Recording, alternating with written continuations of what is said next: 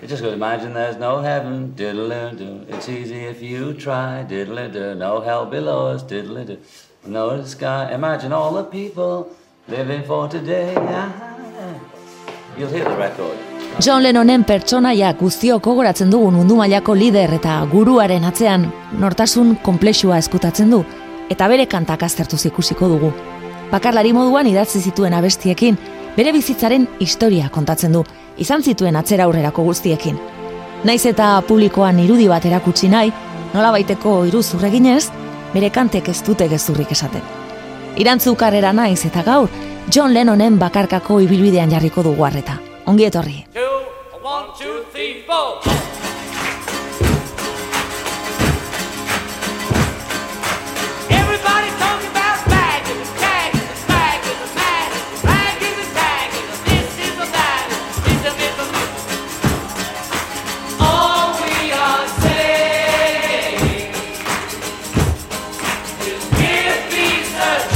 Mila bederatzireun da irurogeita bederatziko San Fermin egunean kaleratu zuen bakarkako lehen singela Give Peace a Chance, eman aukera bat bakeari. Ekainean grabatu zuen Montrealen joko honorekin batera, Vietnamgo gerraren aurka protestatzeko egin zuten zazpi eguneko oeratze famatuan. Eta entzuten diren ahotsak bikotearen gana joan ziren bizitari famatuenak dira. Petula Clark, abeslari ingelesa besteak beste. Garrantzitsuena etzen letra bera baizik eta beina berriz errepikatzen den esaldia Give peace a chance. All you need is love antzeko himno moduko kanta da eta berehala gerraren aurkako manifestazio guztietan zabaltzen hasi zen. Esate baterako azaroan etxe zuriaren aurrean urte hasieran kargua hartu berri zuen Nixon presidentearen aurka. Mila bederatzireun dairurogeita bederatzean, Vietnamen aurkako protestak nagusi ziren, eta hilabete batzulenago gogoratu Martin Luther King naiz hautagai demokrata izan behar zuen Robert Kennedy erailak izan ziren.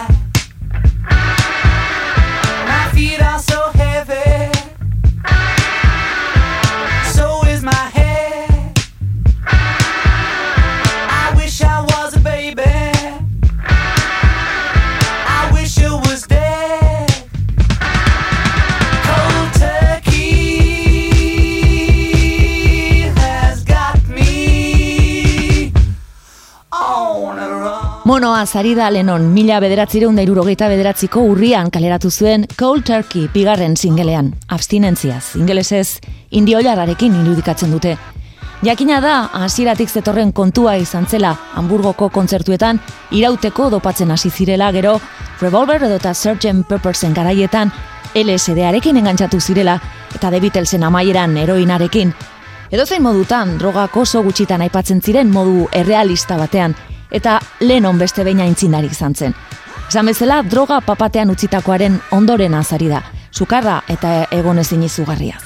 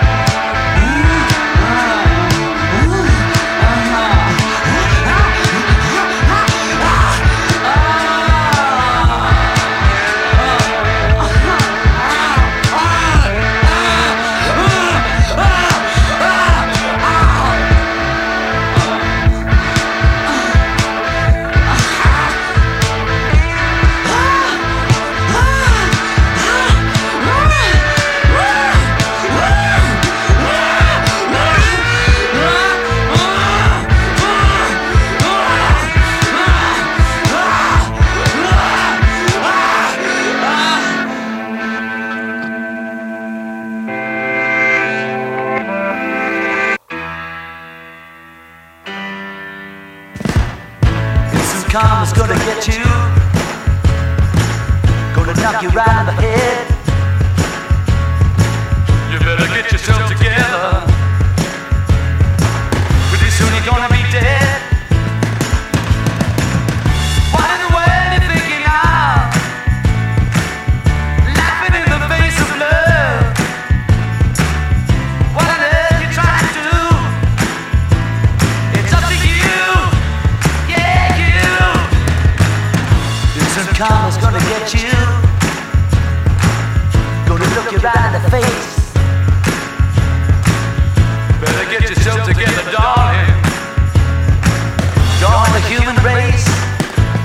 Mila bederatzerun da irurogeita amarreko urte berria Danimarkan pasa zuten jokoren alaba kiokori bizita eginez.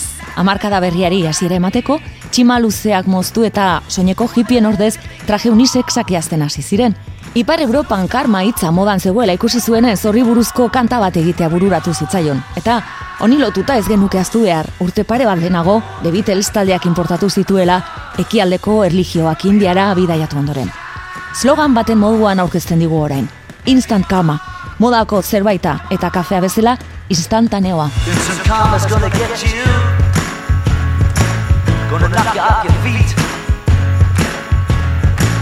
Better recognize your brothers. Everyone you meet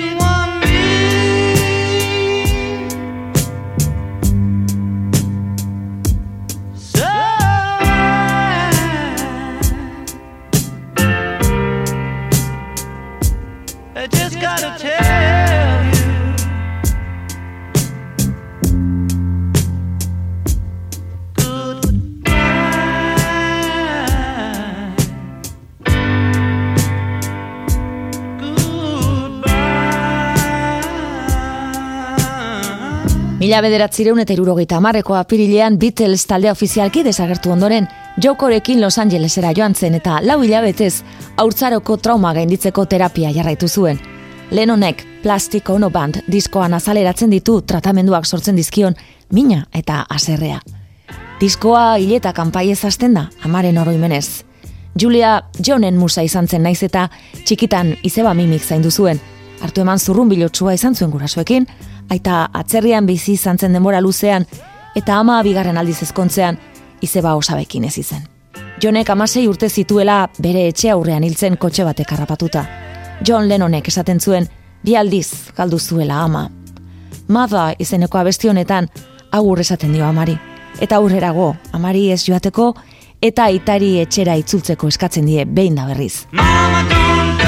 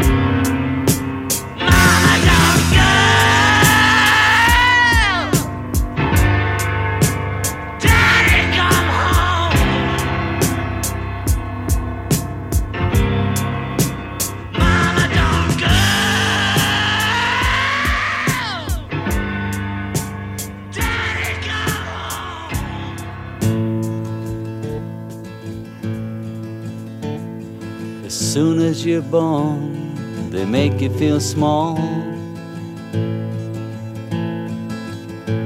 By giving you no time instead of it all.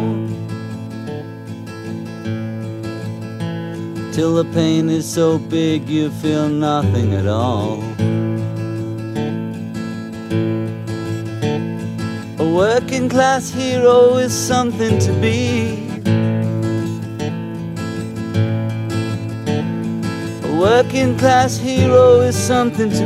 Lennonek Dylanen gandik jaso zuen eragina bista-bistakoa da Working Class Hero abestian. Irurogeita lauean elkarrezagutu zutenetik bere erreferentetako bat izan zen. Gitarra soilez eta Dylanen estiloan kantatzeaz gain, ezkerreko politikak babesten ditu. Klase agintarien manipulazioa salatzen du. Eskola, erligioa, sexua eta telebista bitartekariak direla dio, ironiaz beteriko amaiera batekin borobilduz. Eroi bat nahi baduzu, jarraitu niri. A working class hero is something to be. A working class hero is something to be.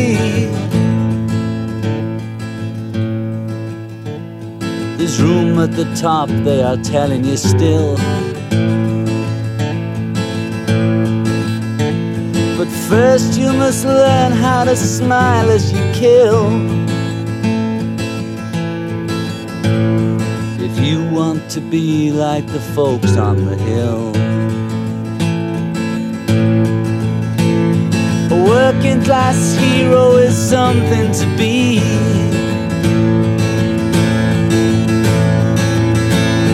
A working class hero is something to be.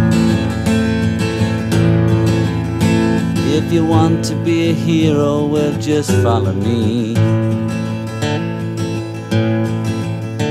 If you want to be a hero, well, just follow me.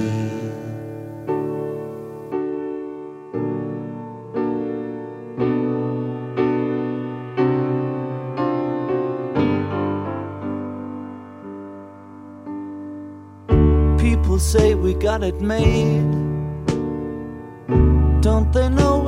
Afraid? Isolation. We're afraid to be alone. Everybody got to have a home. Isolation. 2008ko pandemiaren himno modura gogoratuko den Isolation kantarekin mila bederatzireun eta irurogeita amarrean kaleratu zuenean bizi zuen kezkaz. Ari da, personai bat munduko famatuenetakoa, baina lehen honek segurtasun falta handia sentitzen zuen. Drogak, The Beatlesen amaiera, eta batez ere, joko eta bien aurkako erasoengatik. Bakartzea zen soluzioa, norbere gordelekuan eskutatzea, eta esan bezala, 2008an kanta honek protagonismo berezi hartu zuen. Etxean bakandutako musikariek Isolationen koberrak egin zituzten, tartean bere seme Sean Lennonek.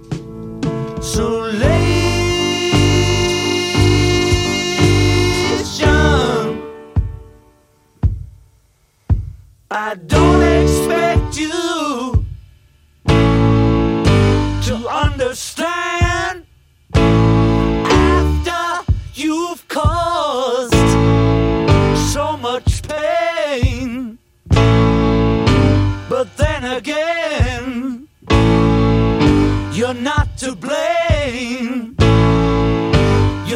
just a human, a victim of the insane.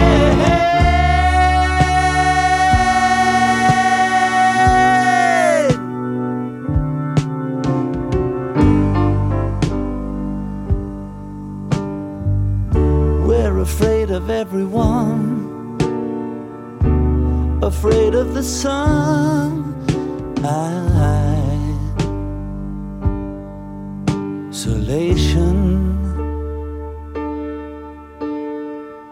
The sun will never disappear, but the world may not have many years. I,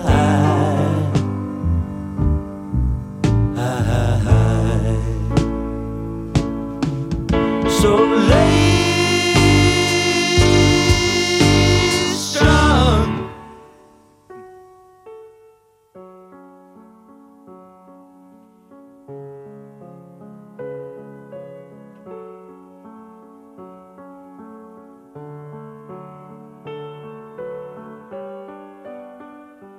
Hasiera batean diskoaren aurkezpen singela izan behar zuen, baina azkenean Mother aukeratu zuten. Love plastikono ban diskoko unerik unkigarriena da, eta Lennonen esanetan The Beatlesen maila eman zuen bakarra Imaginekin batera.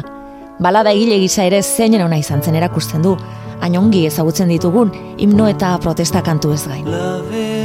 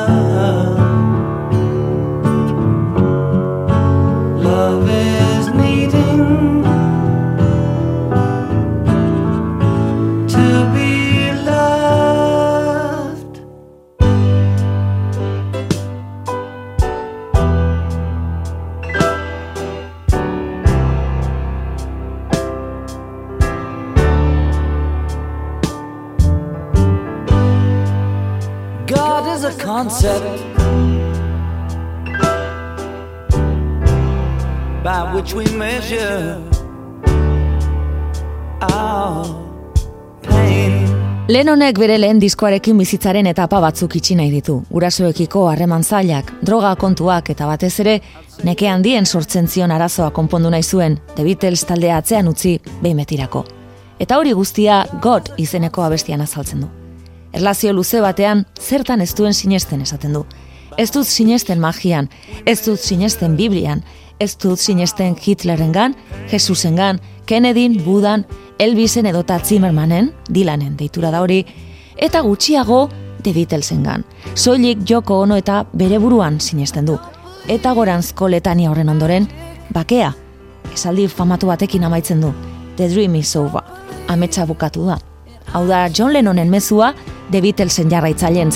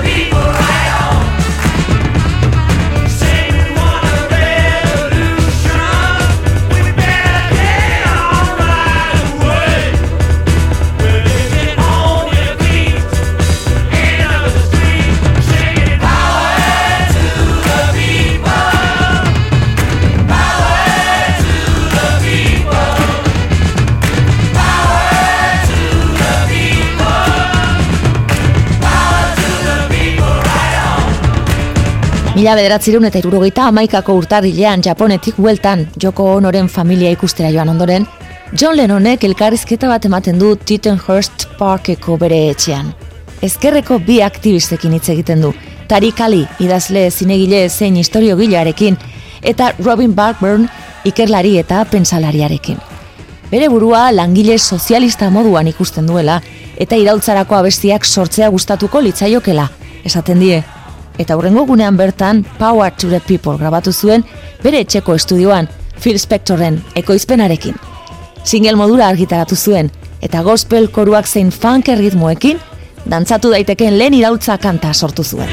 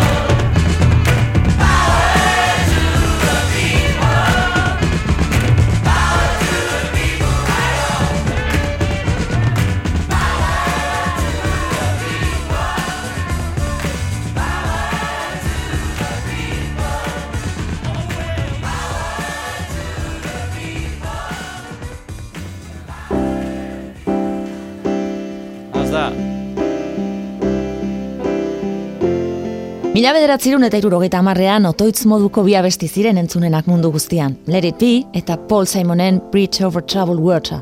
Let it be, etzen berez Lennonen oso gustukoa, baina urren urtean berak atera zuen, aire beretsua zuen hirugarren himno bat. Imagine. Unibertsala bihurtu den letrarekin, bakea nagusi den mundu bat imaginatzera eramaten gaitu, non ez diren mugak existitzen eta ez dagoen erligiorik. Hala ere, Dena esan behar bada, Lennon kritikatua izan zen, etzen ulertzen, nola grabatu zuen hain mezu soziala zuen kanta bat, askoteko mansiorik ikusgarrienetako batean. Kontra esan handia zirudien.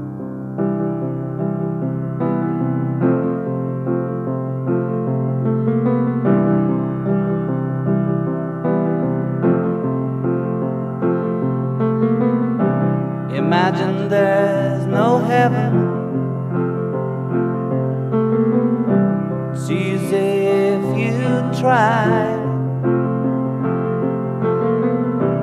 No hell below us,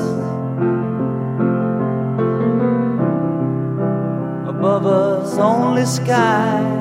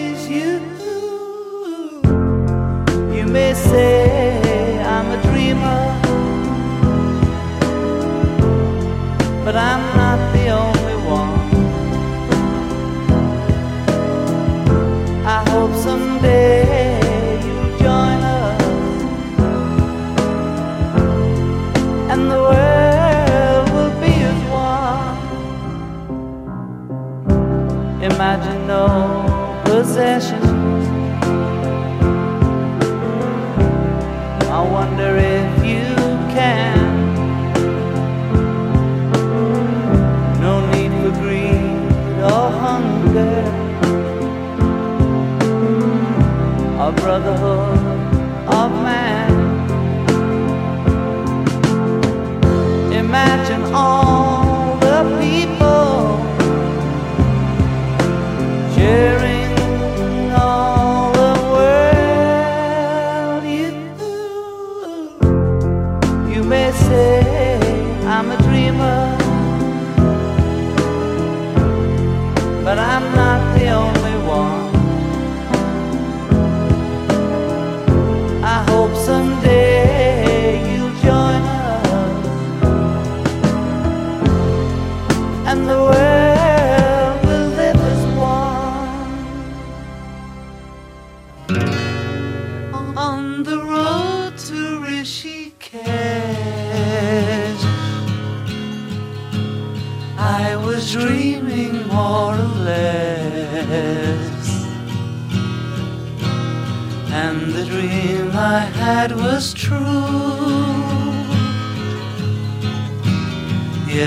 Dream I had was true.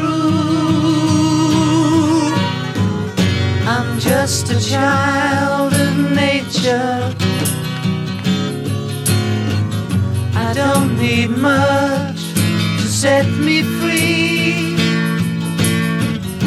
I'm just a child of nature.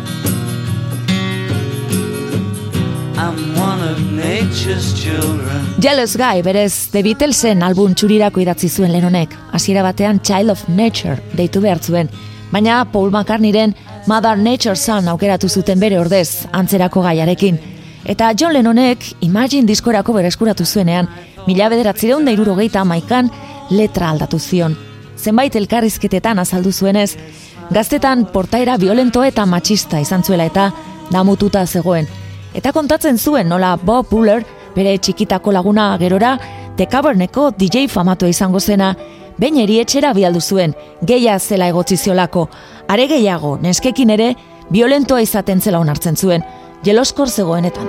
I was dreaming of the past, and my heart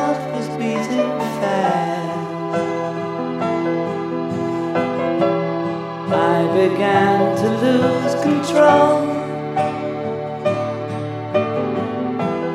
I began to lose control.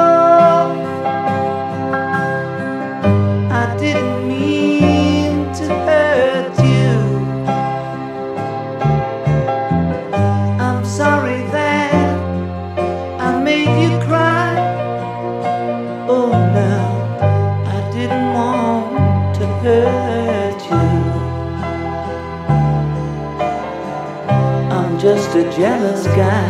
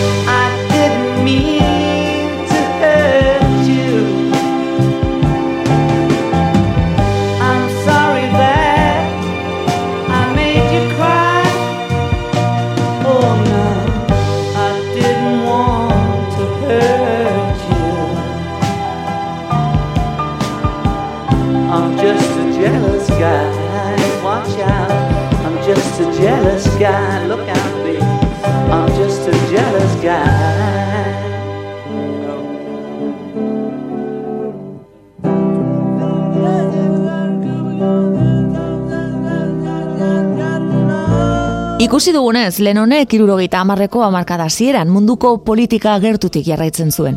Eta Give Me Some Truth abestian, Vietnamgo gerraren gainean, egia esateko eskatzen dio Nixon presidenteari. Hori bai, mundu osoan zabaltzen ari ziren protestekin, bategitearekin batera, azpilokoan ari da nolabait. Badu beste irakurketa bat, Zeberez, The Beatlesen Let It Be diskorako idatzi zuen, irurogeita bederatzean eta euren arteko ikamikazari da. Paul McCartney bere aldetik You Never Give Me Your Money komposatu zuen, eta bista-bistakoa da beraz, bien arteko giro txarra.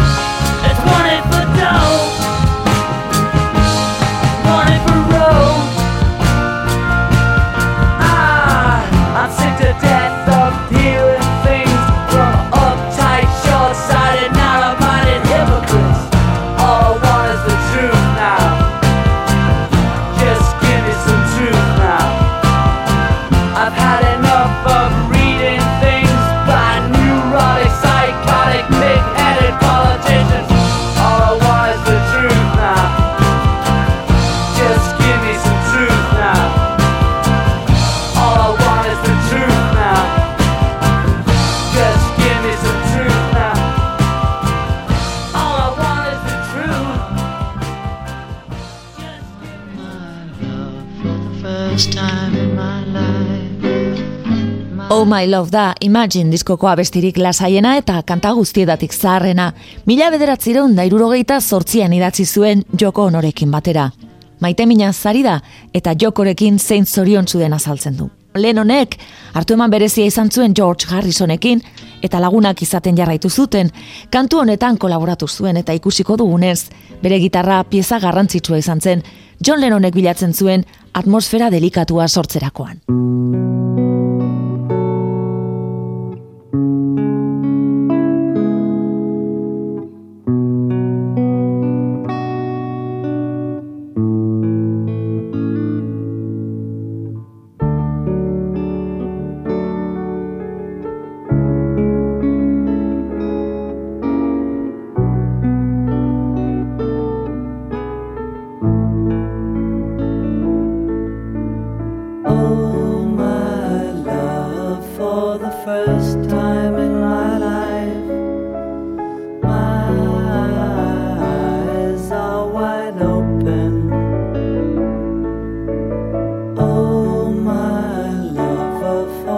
For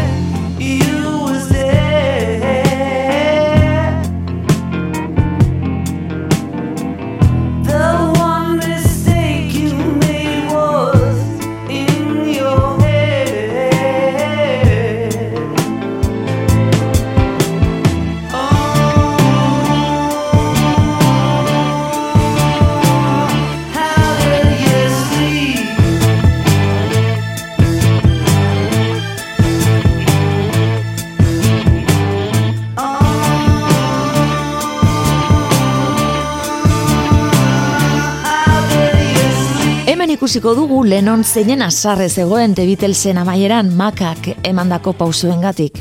Too many people abestian esaterako, Lennonen aurka ari da Too many people preaching esaten duenean, jende gehiegi predikatzen. How do you sleep izan zen Johnen erantzuna. Paul McCartneyren aurka esaten dituenen artean, egin zuen gauza bakarra yesterday izan zela, The only thing you done was yesterday. Edota komposatzen duena, ari musikala baino ez dela. The sound you make is music to my ears.